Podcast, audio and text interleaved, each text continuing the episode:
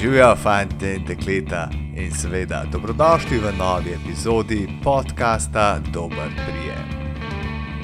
Sem Matej Kodec, vi pa poslušate najbolj ribiško oddajo v Sloveniji, v kateri bom govoril o športnem ribolovu, naravi in se pogovarjal z zanimivimi gosti od blizu in daleč. Zadnje čase Predvsem pa v poletnem času se je zid mojega Facebook profila polnil z ničkaj spodbudnimi in prijetnimi novicami. Pomankanje deževja, kateremu je potrovalo dolgo sušno obdobje, kateremu ni bilo videti ne konca ne kraja, je na vse zadnje vplivalo tudi na ribiško sezono. Da pa bomo vsi skupaj lažje razumeli, kaj nas je poleti doletelo, sem v goste povabil predsednika Ribiške zveze Slovenije, dr. Miroslava Žabrla ki mi bo pomagal odgovoriti, kaj nas čaka v prihodnosti, zakaj do tega prihaja in kakšen vpliv na reke ima dolgotrajno pomankanje deževja. Pozdravljeni, gospod predsednik, in seveda dobrodošli v najbolj ribiškem podkastu v Sloveniji. Pozdravljeni. Ja, živijo, živijo. Kot je že malo navadi, ne, se mojemu prvemu vprašanju res ne more izogniti nihče od mojih gostov. Povejte mi, kdo je dr. Miroslav Žaberl? V kratkem, za priseženi ribič, že več kot 40 let, zadnjih 20 let, predvsem ribič mohar, tudi tekmovalec. Eh, po izobrazbi sem pravnik, eh, dolga leta sem služboval na notranjem ministrstvu, sedaj eh, trenutno upokojen, sedaj pa kot docent predavam na dveh fakultetah. Povejte mi, nedavno tega ste imeli skupščino Ribiške zveze Slovenije, na kateri ste ponovno kandidirali in bili ponovno izvoljeni za predsednika Ribiške zveze Slovenije. Mi lahko na kratko opišete glavne naloge, ki jih vi in vaši kolegi iz Ribiške zveze upravljate. Verjetno je teh nalog kar nekaj. Drži. Eh, Ribiška zveza Slovenije je po eni strani krovna organizacija 64 ribiških družin in predvsem skrbi za dobrobit uh, ribiških družin in pa uh, reševanje njihovih strateških problemov v pogovorih in razgovorih z državo oziroma državnimi organi. Po drugi strani je pa Ribiška zveza tudi nacionalna panož, panožna športna uh, zveza uh, za panogi tekmovalni ribolov in pa za casting. V teh dveh temeljnih pojmi, poj, uh, področjih tudi delujemo. Uh, predvsem se pa ukvarjamo s tem prvim področjem, se pravi, da smo servis za ribiške družine, kadar je treba nastopiti proti državi. Ja, 64 registriranih ribiških družin. Ne? Malo ste že omenili, ampak da se mal uh, na tole sodelovanje z ribiškimi družinami malo um, usloniti, oziroma malo obrniti. No? Uh, kolikor sem sam seznanjen, oziroma kot član ribiške družine, ne, m, organizira Ribiška zveza Slovenija skozi vse leto vrsto delavnic, usposabljanj in izobraževanj. To drži. Ne? Drži. Znanje je eno izmed temeljev izvajanja um, ali pa pravilnega izvajanja ribolova in pa predvsem pravilnega ribiškega upravljanja. Tako da imamo na več nivojih, uh, organiziramo, izvajamo ta izobraževanja. Uh, Sprej organiziramo ribiške izpite za tiste, ki so se priključili za ribiške pripravnike. Potem organiziramo više oblike usposabljanj, za katero imamo pooblastilo od države, to je za ribiške čuvaje, za gospodarje in pa elektroizlov.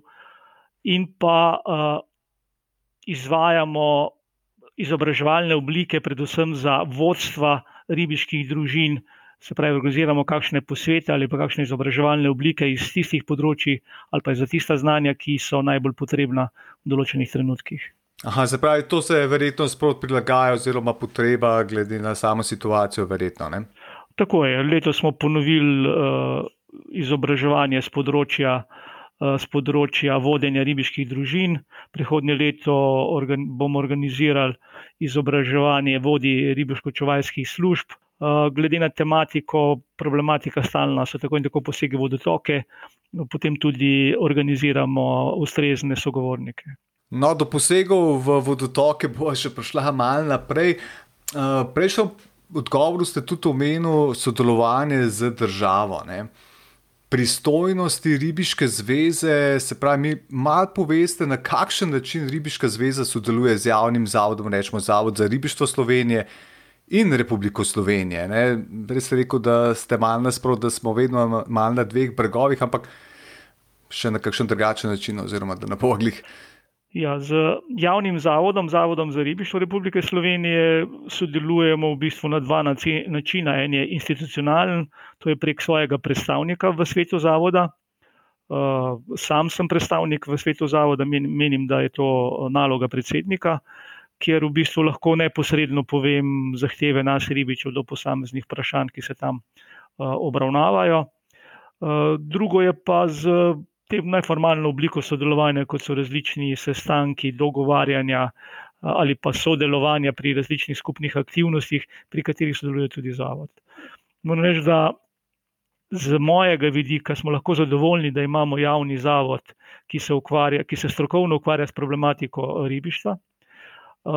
Seveda pa še zdaleč, da bi bili popolnoma zadovoljni z dejavnostjo tega zavoda, kajti menimo, da je njihova primarna naloga je ekologija, eh, se pravi strokovni problemi eh, ribiškega upravljanja, eh, manj pa seveda ribolovni turizem. Uh, upravljanje, ja, ste rekel, ja, manj ribolovnega turizma. Greva naprej. Kot sem že v vodu povedal, ne bomo danes skupaj poskušali odgovoriti na nekatere vprašanja, ki so še kako povezana s poletnim pomakanjem padavin ne, in ekstremno sušnim obdobjem. Uh, Klele sem najdel en zanimiv citat mm, gospoda dr. Tomana. Sem trenutek, da ga jaz klele luciram. In sicer pravi takole, vremenski ekstremi, kakršna je letošnja suša, se bodo v prihodnosti pojavljali vse pogosteje. Pri tem pa so še večji problem kot sama suša, naši posegi v prostor, v struge rek in potokov, in njihovo neposredno okolico. Zdaj, vprašam vas, ne, kakšno je vaše mnenje, oziroma kakšen vpliv na vode ima tako dolgo pomankanje deževja in posledično sušno obdobje, ki smo bili priča v poletnih mesecih. In to verjetno se, se, se vidimo, ne, se še kar nadaljuje, ne, se pravi, vodotoki so še več ali manj prazni kot eno. To žal drži. Sicer zdaj temperature vode niso kritične za salmonidne vrste rib, tako kot so bile poleti, pa žal drži tudi ta Tomano, Tomonova misel. In mi ribiči to še posebej vemo. Letošnje poletje nam je pokazalo, da ti miti o globalnem segrevanju niso miti, ampak da je to stvarnost, eh, ki nas čaka. In že v preteklosti sicer so bile tako visoke temperature, ampak nikoli tako, tako dolgotrajno.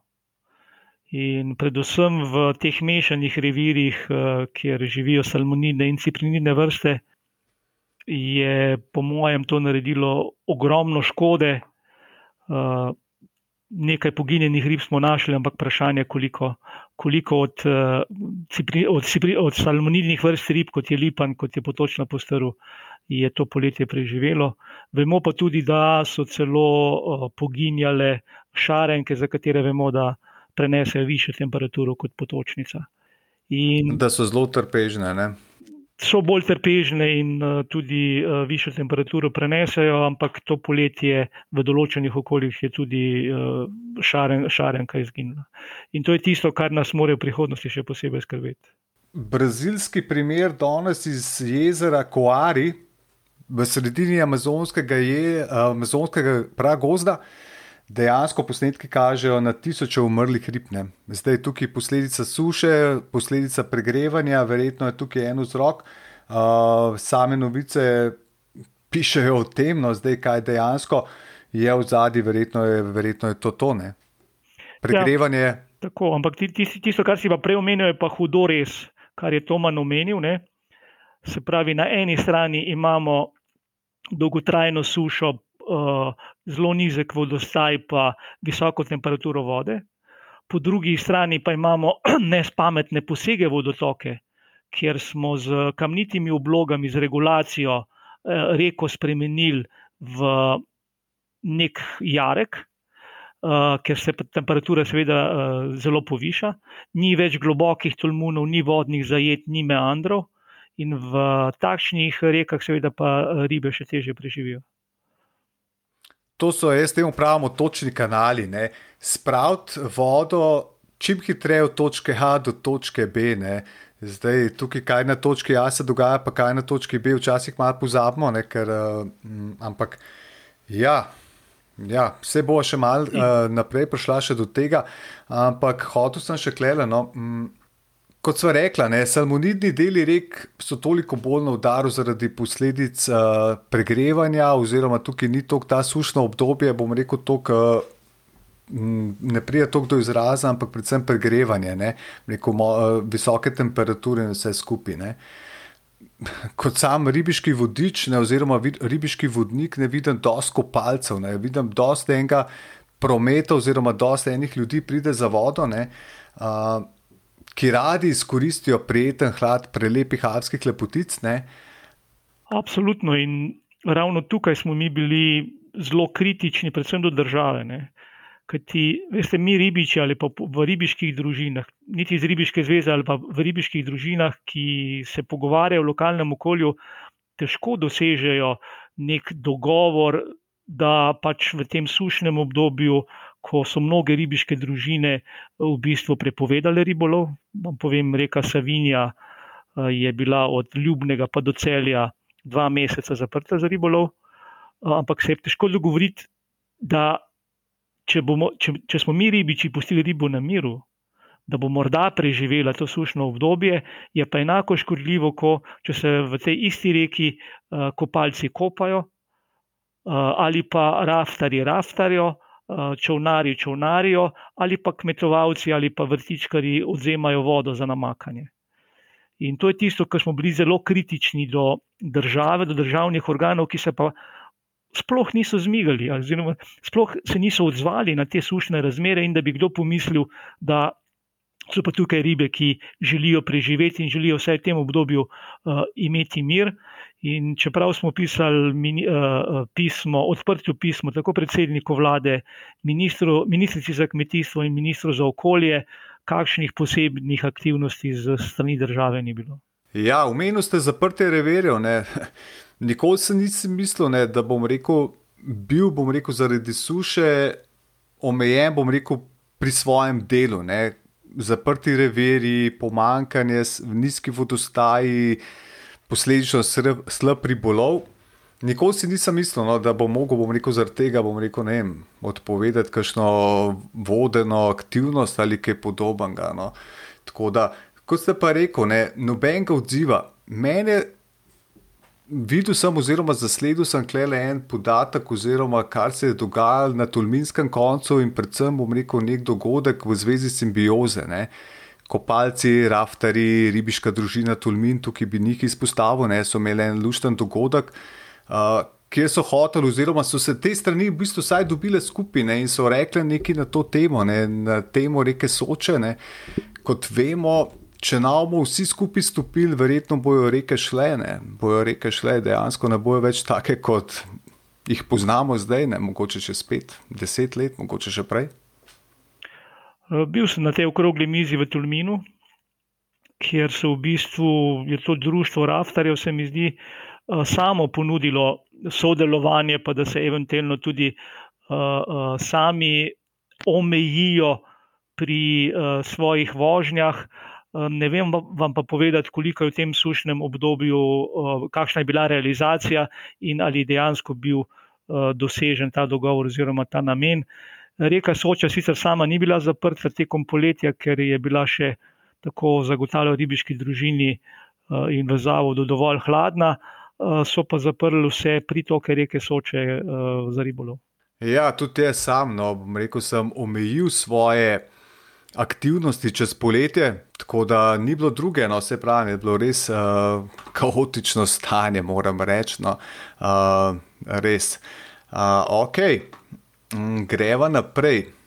Mm, na začetku pogovora smo omenili tudi sodelovanje Ribiške zveze Slovenije z Republiko Slovenijo. Moje osebno mnenje je, da dojemanje situacije na terenu. Ne. Jaz menim, da je to premalo sodelovanja. Ne. Ne vem, kaj mislite vi? Za nasplošno trdi, da je to sodelovanje slabo, bi težko temu pritrdil. Uh, namreč okay. mi smo v rednih pogovorih in razgovorih uh, z obema pristojnima ministrstvoma, tako Ministrstvo za kmetijstvo, gozdarstvo in prehrano, kot z Ministrstvom za okolje in prostor. Res pa je, in to vam lahko potrdim iz vlastne prakse, da je pa dolgotrajno in mukoma premikanje kakršni, ali pa premagovanje kakršnih koli uvir, oziroma uh, da pridemo do uh, realizacije naših zahtev. Z nekaterimi problemi prihajamo do ministrice za kmetijstvo že deset let, toliko kot sem jaz uh, predsednik, oziroma še več, pa še vedno nismo rešili problema vem, dvojnega plačevanja dajatev. Še, še danes se zopet ukvarjamo s problemom kormorana. Uh, še začeli nismo s eh, reševanjem problema drugih ribojedih ptic, eh, ribojede zveri. Eh, da ne govorimo o Ministrstvu za okolje in prostor, kjer se mi zdi, da je še bolj mukotrpno dogovarjanje, pogajanje in doseganje kakršne koli naših zahtev.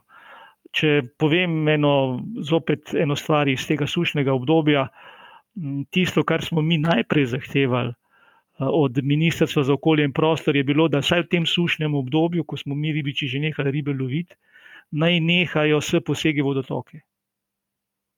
Kar bi bilo edino smiselno, smotrno in tako dalje. Niti slučajno se to ni zgodilo. Ti posegi so pač bili naročeni, bili so plačani in so se delali in so se izvajali, kljub našim nasprotovanjem. In to je za mene huda črna pika za pristojno ministrstvo, ki bi morali skrbeti za okolje, naravo, ne pa da jo uh, še v teh časih v bistvu iznakazi. Se pravi, če skupaj potegnemo, se pravi, ima različni pogledi na vse skupine. Ja, žal, vse to je razumljivo. Jeste, mi smo ribiči, smo civilna organizacija. Imamo pač svoje zahteve, svoje poglede. Ampak ribiči vemo, kaj je to ekologija, kaj je skrb za naravo in kaj je skrb za tista bitja, ki so nam najbolj sveta, to je za ribo. Eh, žal pa se na, na pristojnih državnih organih tega včasih eh, premalo ali pa sploh ne zavedajo. In potem ostanemo no, mi ribiči edini, ki branimo ribo. Ja. No, se to je pa vse vprašanje. Ne? A bomo še vedno v bistvu zelena oaza v srcu Evrope? Ne? Bomo, bomo imeli še vedno tako lepe reke, kot jih imamo zdaj? Tisto, kar smo se prej pogovarjali, se pravi globalno segrevanje, suše, ki prihajajo k nam, segrevanje vodotokov, to opažamo že danes, da se tako imenovani lipanski pa postrvi pasovi se premikajo gorvodno proti izvirom. Mi bomo najverjetneje slejko prej izgubili uh, te srednje dele rek, v katerih še vedno živi uh, postrv pa lipan, zaradi teh naravnih danosti ker tam več ne bo niti prostora, habitata, predvsem pa ne vremenskih razmer čez poletje, eh, da bi lahko te ribe preživele. Eh, oaze bodo pa še ostale v teh višjih izvirskih predeljih. Te pa zaenkrat eh, še niso tako ogrožene, tako da lahko se bomo še hvalili, ampak mislim, da bo teritorij močno skrajšan oziroma zmanjšan zmanjšane. Ja, ja, v bistvu imamo tukaj na eni strani v bistvu grobe posege ne? v vodotoke, po drugi strani imamo to segrevanje oziroma sušno obdobje. Uh, tako da, ja, ja kar zaskrbljujoče. No. Uh, še ena zgodba iz poletnega časa, ne, tudi uh, je v bistvu dogodek oziroma potek dogodkov, no, to se pravi, se je kar eh, vrstil nekaj časa, ne, v katerega sta že vrsto let upeta ribiška družina Koper in javno podjetje Rižanski vodovod Koper. Javno pranje perila, nespoštovanje napisanih in dogovorjenih, odlo dogovorjenih odločb o zagotavljanju minimalnega ekološkega pretoka reke Rižane bi lahko vsekakor lahko vodilo v ekološko katastrofo. Ne? Po domače rečeno, reke Rižane in njenega življa z vsemi mikroorganizmi ne bi bilo več. Kakšno je stališče zauzela Ribiška zveza v konkretni situaciji? V tem primeru smo absolutno stali za ribiško družino, za katero menimo, da se je ustrezno odzvala, šla tudi v medije. In za nas je nesprejemljivo, da župan ene občine, ki danes ponovno kandidira, reče, ja, to, da bomo zagotovili pitno vodo, bomo pa reko izsušili. In da rižanski vodovod v določenih obdobjih to tudi udejanja. Se pravi, gre pod ekološko sprejemljiv eh, minimum ali pa pretok vode, ki je bil določen za to rižano.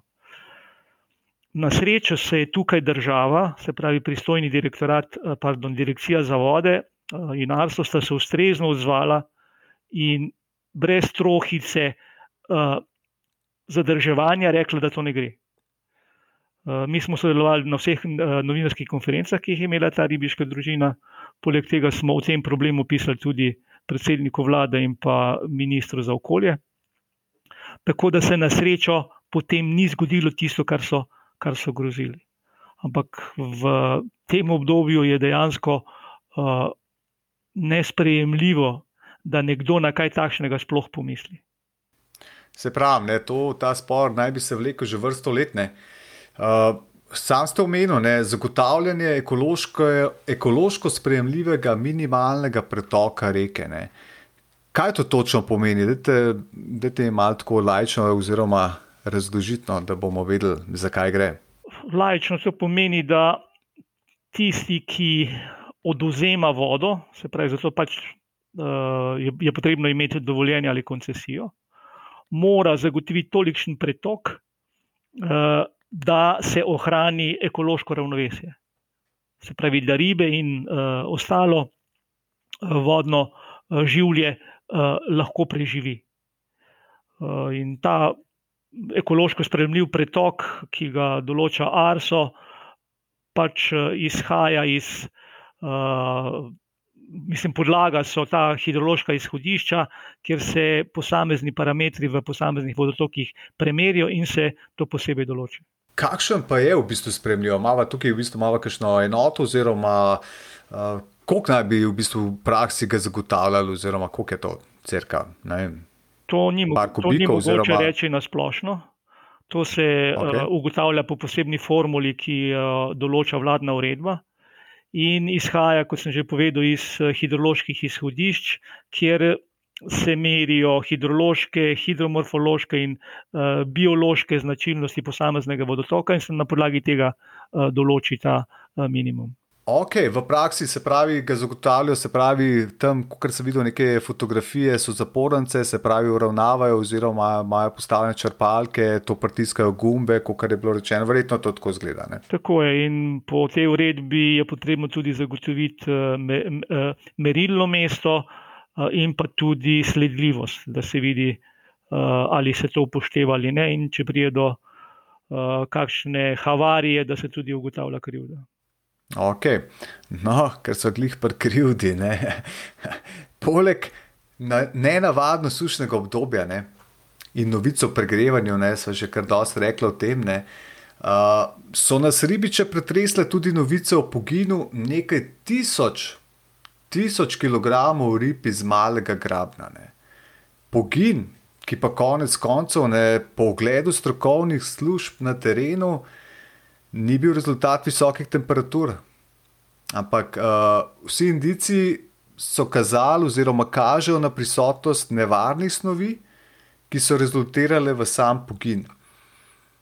Uh, meni osebno je najbolj zaskrbljujoč podatek, ne, uh, ta, ne, kar iz izjave razvidno predsednika ribiške družine oziroma uh, predstavnika. Ribiške družine Barje. Uh, ja. Ja, ribiške družine Barje. Znano je, ne, da se je recimo, tudi za deset let prekinil cel življenjski krok v tem odseku. Ne. Mene pa drugo, ne, se pravi to, kar smo rekli, iskanje krivcev, ne, kako učinkovit je, če sploh ne trenutni način odkrivanja povzročiteljev poginov, kje smo tukaj, v bistvu, kaj lahko naredimo, ne, da bi prišli, aha, evo ga, to je to podjetje ali pa ne vem, kdo, kdorkoli v bistvu je naredil to, pa to, pa to. Ne. Zato je prišlo do tega, pa do tega. Zelo redko se ugotovi krivca. To je najverjetneje iz dveh razlogov. Prvi je ta, da je sploh vprašanje, kdaj ugotovimo, da je nekaj eh, narobe z vodotokom in da ribe poginjajo nek, nekaj časa že od tega uh, mine, in druga je pa najverjetneje slaba, slabe izkušnje ali pa slabo strokovno znanje tistih, ki bi morali uh, odkrivati uh, te krivce. Uh, tako da se ne spomnim, kdaj je bil zadnji primer, ko bi nekdo, razen če je bilo nesporno, da je nekomu nekaj ušlo vodo in da je prišlo do pogina in se je potem sporozumel za, za, plačilo, za plačilo škode, da bi nekdo odgovarjal za ta kazniva dejanja. Je pa res, da na srečo takšnih polucij, onesnažen v zadnjem času ali pa v zadnjem, recimo, temu desetletnem obdobju, ni toliko, kot, je bilo, kot jih je bilo v preteklosti. Se pravi, stanje na tem področju je boljše. Uh, smo pa letos imeli več teh poginov, uh, imaš prav, najmanj za dva takšna pogina je bil pa uh, ne samo sokriv, ampak kriv človek z svojimi izpusti. Vse ostalo je bila pa v bistvu posledica uh, um, prevroče uh, vode zaradi visokih temperatur. Mhm, mhm. Zdaj, uh, mene zanima, ne, da pogledamo tudi malo nazaj, oziroma da pogledamo malo naprej. A je v planu, da bi se naredil, oziroma je bil v planu, bo v planu, ali razmišlja mogoče kdo o tem, da bi se mogoče naredil kakšen popis, rečemo, potencijalnih, oziroma ne vem, onesnaževalcev vodotokov, oziroma kakšne take kritične točke, kjer bi se lahko to zgodil. Um, a se dela kaj na tem, oziroma ne, malo razmišljam. To se je v preteklosti delalo. In uh, za pomoč so zaprosili tudi nas, ribiče. In zato je v bistvu, mislim, da cela Slovenija popisana s potencijalnimi osnaževalci. Uh, žal pa so ti podatki ostali nekje v predalu in se ne uporabljajo. Ok. So v predalu, neka študija, oziroma neki popis je bil naročen, verjetno. Tako, to, to, se uh, to se je izvajalo, mislim, da 4-5 let, če ne več. 4-5 let. Ja. Ma, zanimivo, zanimivo. Verjetno ta seznam kar dolg. Zdaj, uh, prav gotovo, z vsemi koordinacijami, z vsemi cevmi, ki gledajo vodo. Uh, tako da to obstaja. Ja. No, se pravi, v bistvu. Ja. Zdaj, kaj narediti s tem, ne? zdaj, kje se je to zataknilo, to je bilo se pravi vprašanje za koga drugega, verjetno ne. Ja, za ministrstvo uh, okay. za okolje oziroma Arso. Za ministrstvo, za Arso. Ne? Ok, ok. Mm, greva naprej. Ja, še to no. Krivci vedno ostanejo nepoznani. Ne? Nikoli v bistvu nisem zasledil, aha, oziroma razen tisti primer vrtnike, tem v bistvu v tojnici, ne, tam bom rekel, so prišli do dano. Uh, zdaj te zadnji pogini, ki so se pa zgodili letos, ne, tudi mislim, da ga pri nas v, v Domžalah nekaj podobnega, ne, vem, ne bom trdil, uh, nekaj mi je prišlo na všesa. Ampak ja, greva naprej. Veliko govora, čistilne naprave. Ne tudi tukaj, kaj še na vzrok lahko iščemo, bom rekel, kaj sem poginil, tako nenavadno, bom rekel, kaj vi pravite. Za nekatere čistilne naprave se ve, da niso popolnoma funkcionalne in da v popolnosti ne upravljajo svoje funkcije. Uh, za Blejsko jezero pa je tudi bolj kot ne javno znano, da uh, čistilna naprava ali pa celoten čistilni sistem ki naj bi uh, čisto fekalije, uh, je uh, dejansko ne da je neuporaben, ampak je premalo močan, da bi vse prečistil, kar se dogaja s, s, z prebivalci in pa s turisti, ki pridejo. In da je to tisti razlog, zaradi katerega Blesko jezero cveti. Letos smo pa ob tem nizkem vodostaju imeli celo posledico, da so uh, nekateri kopalci, ki so se kopali v Savi Bohinki, uh, imeli potem prebavne motnje. Uh, uh -huh. Tako da tudi tukaj je še marsikaj za postoriti. Uh, Sveda v nekaterih okoljih so pa čistilne naprave čisto v redu in so čisto zadostne. Se pravi, To je to. Ja, bohin je, oziroma bohin bled. Ne? Bohin bled, to je, to, je, to je sigurno, da, uh, da je pre, preveč obremenjeno in da se spuščajo fekalije v to čudovito savo bohinko. Plus blesko je. Ja. Ja, ja, ja sama Buhinka, ja, preobremenjeno, ne gore turistov prihaja, ne, rekel, čez celo leto. Ne, in infrastrukture verjetno ne zdrži tega vsega, kar um, se tam pusti. Ne. In tisto, če, lahko, če se pogovarjamo o Blejskem jezeru, kar je pa za nas posebej zavržno, je dejstvo, da pa nas ribiče obtužujejo, da z vnašanjem hranil, ko kraparji krmijo, da privabijo krapane smo pa mi eni izmed bistvenih onesnaževalcev, ki doprinesemo k temu, da potem jezero cveti oziroma je take kakovosti. Čemor pa, ja, čemor pa mi absolutno oporekamo in ne moremo biti bistveni osnaževalci uh, ob uh, neznatni količini, uh, ki se odvrže v, jezero za, prehran, za privabljanje. Ja, to sem že delskrat slišal, ja, da se na to temo. Aha, vi, ribiči, to je to, ne, vi ste glavni krivec. Se pravi, najlažje je pokazati s prstom na nekoga, ga ukriviti uh, in to je to, ne, da se pravi, daš od sebe nekaj. No. Uh, ok, gremo naprej. Kar smo že tudi že malo načela tekom najnega pogovora. Ne, uh, Posledice temperaturnega segrevanja, da se malo še vrnem, regulacije vodotokov. Ne? Predvsem v bistvu tukaj bi izpostavil našo avtohtono ribjo vrsto potočenca. Ne? Vemo, da je dober nadomestek šaranka, ne? ampak zato ne razumem, ne? v čem bi bilo smiselno reči, ne? nekaj se govori, prepovedati vlaganje le te šaranke v odprte vode. Ja. Za mene, kot se pravi, jaz rad vidim, včasih bom rekel, kakšni vodi. Ne. Se pravi, potoča postaro je potoča postaro. Ampak rečemo za kakšen dober ribolov, tudi kakšen šarenka, dosti dobro pride v mestno in je popestritev dneva, jaz temu pravim. Potočnica je domorodna ribja vrsta, šarenko še vedno smatrajo za tuje rodno, čeprav pri nas živi že sto let. Uh, in če, bi, če nas vprašajo, naše ribiče, ali pa če bi mene vprašali, jaz sem takoj za to, da prenehamo vlagati čarenko, da vlagamo samo potočnice. Ampak vrnimo habitat tem ribam, da bi lahko tam živele.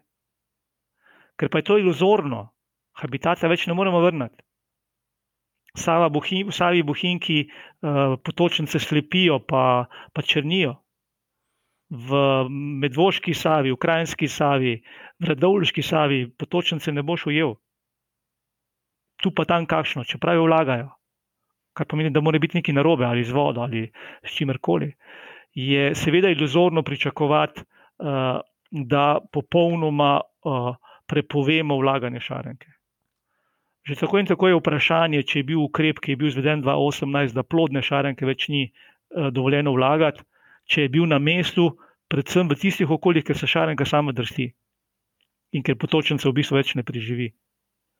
In zato je prizadevanje Ribiške zveze absolutno v smeri, da se vlaganje šarenke dopusti,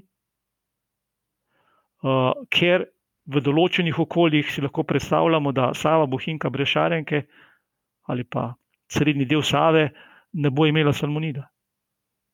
Mogoče še kakšnega lipana, pa kakšnega sulca, potem je pa že konec, če vemo, da potočnica tam ne preživi. Če bi pa uspel vrniti habitat tem ribam, domorodnim, da bi lahko preživele, smo seveda tudi mi se zauzemamo za vlaganje uh, domorodne, domorodne potočnice, ampak vemo, da ob teh temperaturnih spremembah lahko v določenih okoljih na potočnico kar pozabimo. Žal. In ostala nam bo samo še šarenka, za katero smo že prej ugotavljali, da je bolj prilagodljiva, da prenese više temperature, dalj časa trajajoče, uh, ta, ta, ta, takšna obdobja. Uh, in to je prihodnost, za katero se bomo zauzemali. Veste, enak, enak problem je tudi z gojenim krapom.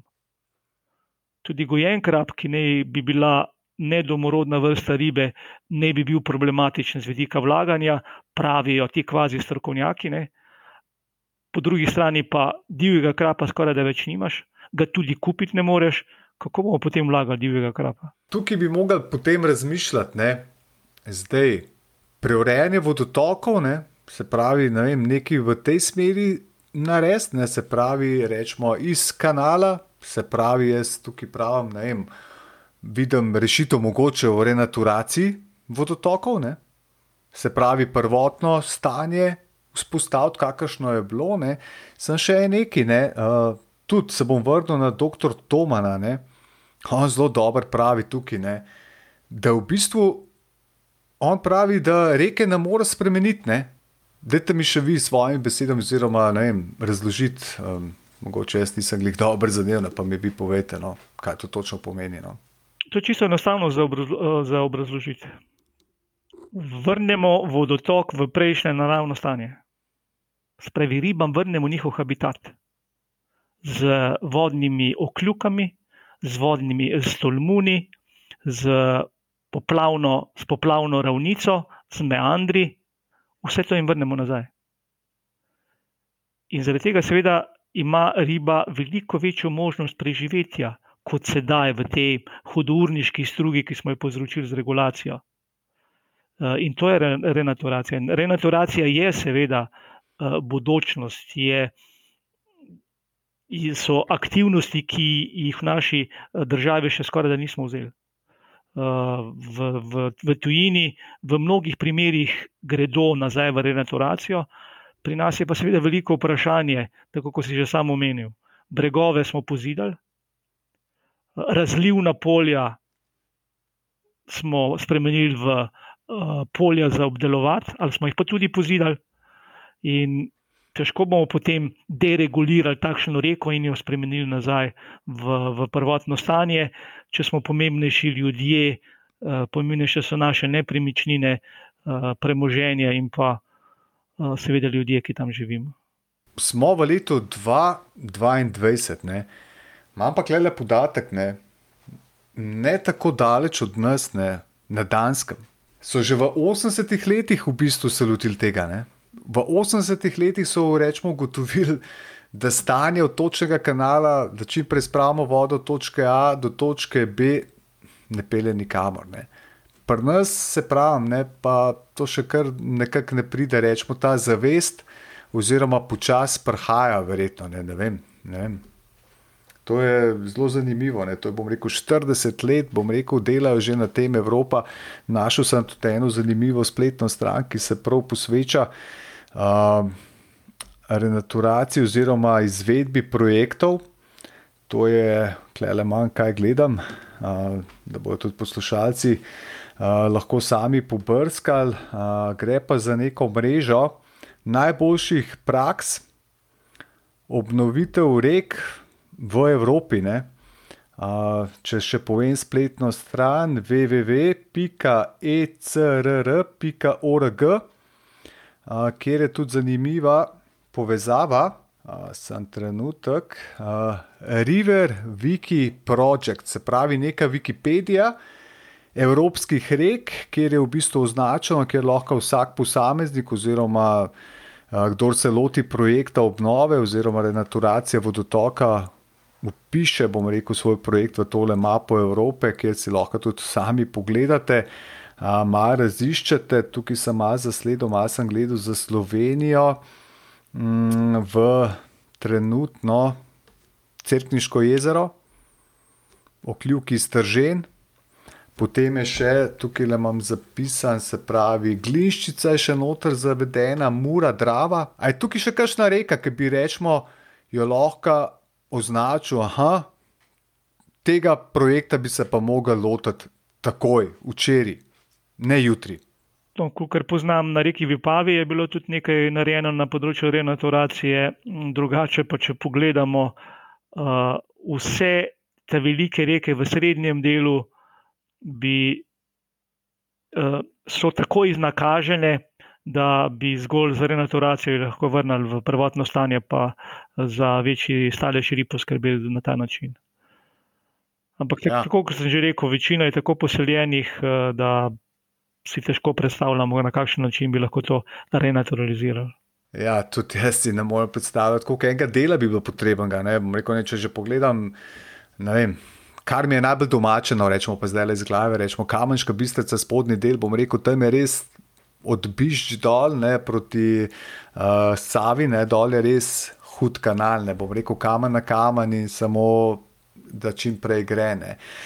Dela dosti, verjetno tudi enih stroškov, oziroma neke energije za vložiti, oziroma verjetno se ne bi moglo tudi vsega naenkrat, ne mic po mic, verjetno. Ne? Seveda, se, na ta način bo tudi šlo. Ne? Se pravi, neke male projekte bomo delali, kak, kakšni um, manjši odseki bodo renaturalizirali in spravljeni v prvotno stanje, na vse zadnje, to uh, tudi zahteva Evropske vodne direktive. Uh mhm. -huh. In habitat. In habitat, ne. Ja, se to sem hotel že pri tem najnem naslednjem. Ne. Kaj točno pravi ta Evropska vodna direktiva ne. in praktično kako ji Slovenija sledi? A, a smo tukaj, dohajamo, oziroma kje smo? Pravilni izraz je uporabo dohajamo. Dohajamo. dohajamo. Okay. Ta direktiva govori o prepovedi oziroma odpravi regulaciji vodotokov, potem o ureditvi teh čistilnih naprav, ki so speljane v vodotoke, to se izvaja, ampak 2018 bi mogli končati, pa je podaljšan rok.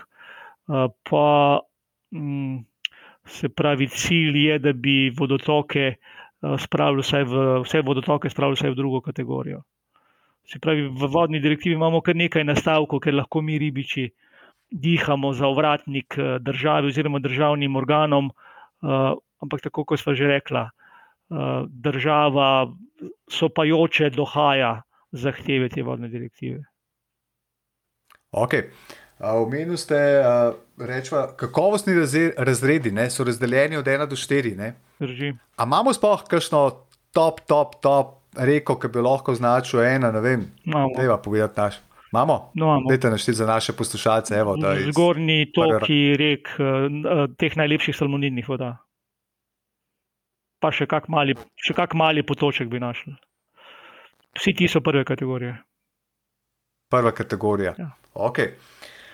To je to, to je to. Evo, imamo še nekaj, v bistvu nekaj prostora, ne, kjer lahko res to pristin, uh, naravo uh, doživimo, oziroma okusimo, tudi mi ribiči in tudi vsi ostali, ne bom rekel, sprehajalci, ne, uh, obiskovalci. Uh, Tako da sem treba pa res čuvati na vse skupine, treba res čuvati na vse skupaj.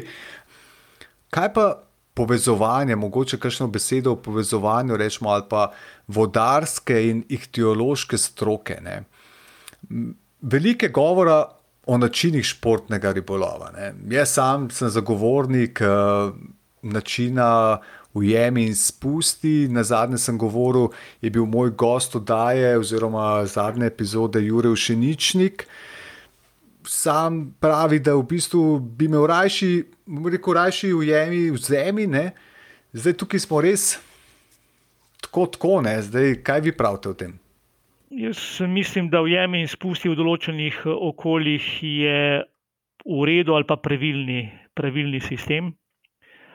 Uh, poznam situacijo v nekaterih tujih državah, kjer sploh uh, tega sistema nimajo dovoljenega, uh, Nemčija, določene avstrijske države, Švica. In tam dejansko ribič zaide v situacijo, ko bi moral obvezno upleniti ribo, drugače v kršitvi, kar se, kar se meni zdi popolnoma nespremljivo. Ne, vemo, da določeni ribiči sploh ne želijo ribo upleniti, ampak samo želijo uh, izživeti ribiško strast. Uh, v določenih okoljih ujemi in spusti tudi zagotavlja preživetje velike večine rib. Uh, res pa je, da ima ujemi in spusti tudi svoje slabe strani. Ne, če s pretanko trnico zelo dolgo utrujaš neko večjo ribo, je vprašanje, koliko teh rib preživi. To tudi, tudi, tudi ni najbolj etično. In pa seveda uh, sistem ujemi in spusti pri visokih vodnih temperaturah je tudi prešljiv. Ja, se zdaj prihaja v trend, no, ko to slikanje rib v vodi ne, ali pa podvodno gladino, ne, zdaj te moderne tehnologije, kamere podvodne in to nam to vsekakor omogočajo. Ne, tako da je pa res stvar posameznika, ne, tukaj bomo mogli res vsi sami, da se pravi, tudi jaz. Uh, uh, Vsi imajo razmisliti, ne, kaj je dobro, pa kaj ni dobro, oziroma se spoprijeti uh, z nekimi izzivi, po mojem, tudi osebnimi. To vsekakor, kaj ti Mi smo članica večjih mednarodnih ribiških organizacij in uh, kolegi iz tujine nas opozarjajo, da je pri njih vedno močnejša ta civilna struktura, ki je, ne bom rekel, sovražna, ampak nasproti ribičem, če smo ribiči tisti, ki mučimo živali, uh, ker jih uh, lovimo na trnek, uh, žival čuti bolečino, in skozi to so potem ideje, da se na določenih območjih popolnoma prepovedi ribolov. Uh, Je dopuščen samo sistem ujemi v zemlji, ne ujemi in spusti, in tako dalje. In se bojim, da bo to počasi tudi prišlo k nam.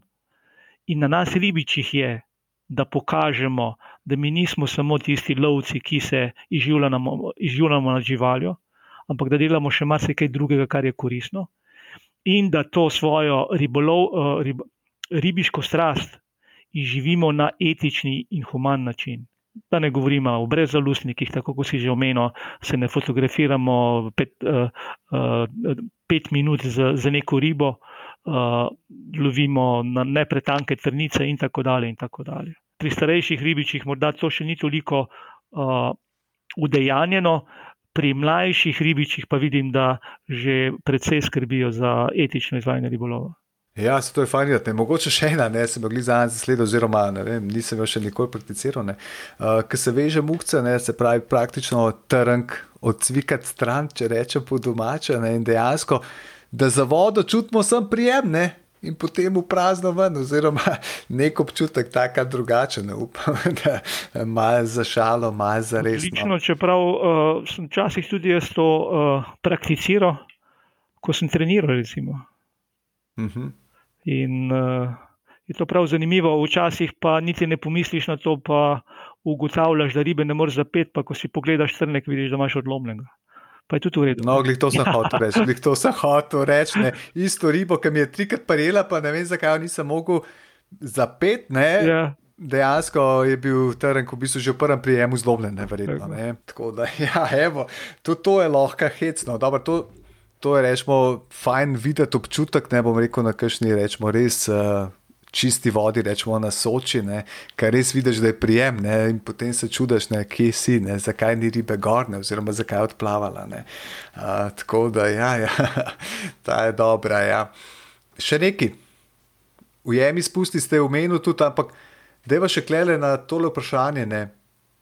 Kaj pa lahko naredimo, oziroma mogoče prepoved ribolova, ujemi in spusti, na salmonidnih vodah, ko temperatura preseže 18 stopinj ali kaj podobnega, ko se segreje, oziroma ne vem. Ja.